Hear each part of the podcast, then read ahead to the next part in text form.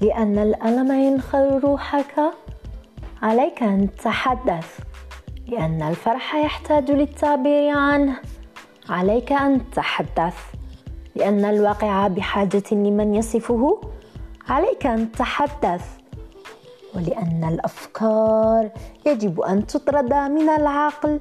عليك أن تتحدث ولنكتب التاريخ. علينا أن نتحدث. لهذا سأكون أنا منار. وهذا بودكاست عندما أتحدث.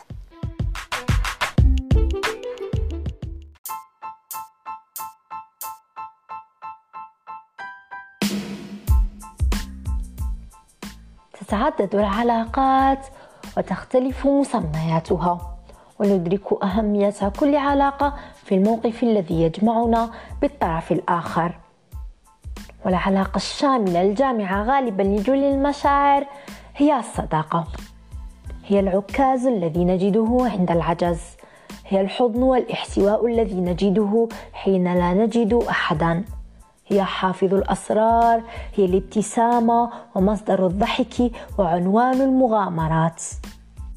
أغلب أصدقائنا نتعرف عليهم في أماكن الدراسة لأنها قاسم مشترك بيننا. أي أن تكوين الصداقات يكون بوجود قواسم مشتركة وليس صدفة فقط. لكن في المقابل هناك نقائض تجعلنا نكمل بعضنا البعض. كل هذا يجعلنا نتشاطر الذكريات الأحاديث السهرات. والإنسان يرى نفسه بعين صديقه. أغلب رضانا عن أنفسنا نأخذه من الصديق المقرب.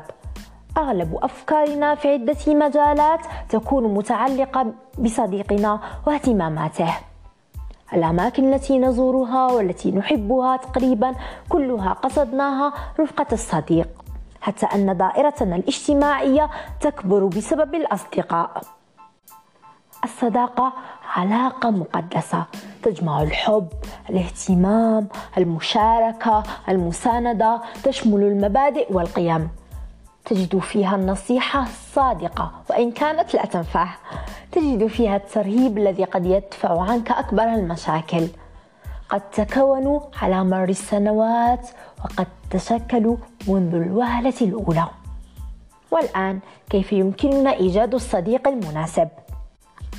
الصراحة أنا أبعد ما يكون من أن أقدم جوابا لهذا السؤال لكن حسب ما أعتقده وما أراه أن أغلبنا لا يختار صديقه بل يختار الابتعاد عن صديقه بسبب أو لآخر أي أن الصداقة وكما ذكرت سالفا تكون بمحض الصدفة وغير مخطط لها إذ أن السؤال الصحيح الذي يجب أن يطرح هو من هو الصديق الأجدر بأن يبقى معك؟ أولا الأشخاص السلبية التي لا تشجع على العمل الأشخاص التي تكثر الشكوى والتي تحارب عزيمتك. ثانيا كثيري الكلام لأنه وببساطة أحاديثهم ستكون تافهة حتى في أوقات الجد. أحاديثهم كلها أكاذيب ونميمة. ثالثا الأشخاص التي لا تفي بوعودها لأن الصداقة وعد ثمين.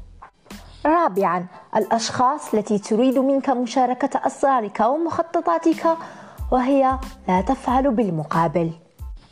خامسا الأشخاص التي تكثر من انتقادك وركز جيدا على كلمة تكثر لأن كثرة الانتقاد ستدمرك ولن تقدم بك أبدا.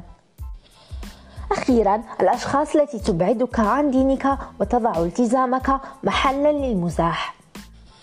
كانت هذه حلقتنا لليوم. أتمنى أن أكون قد أفدتكم ولو بفكرة عن الصداقة أو غيرت نظرتكم لشيء ما. إلى حين أن ألقاكم في حلقة جديدة كونوا دعما للفكرة دعاة للتفكير.